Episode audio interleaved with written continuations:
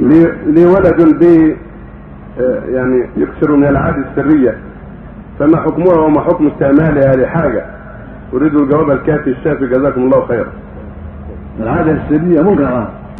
ولا تجوز وهي الاستنى باليد. لا يجوز.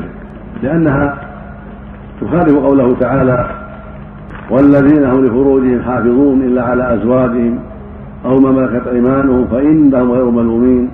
ومن ابتغى وراء ذلك فأولئك هم العادون فهو فقد ابتغى وراء ذلك.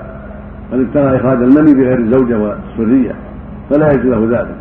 ثم أمر آخر ذكر أهل العلم بالطب أن هذا الأمر يضره ضررا كبيرا وأن لها وأن لها يعني نتائج خبيثة فيجب منعها للأمرين للدليل النقلي وللمضرة المعلومة.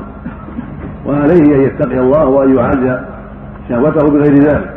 إما بالصوم وإما بتعاطي بعض الأدوية التي تخفف من الغلمة شدة الشهوة وإذا كان يستطيع زوجة ثانية أو ثالثة أو رابعة يفعل زوج يكثر من الزواج حتى يذهب عنه هذا الشر نعم.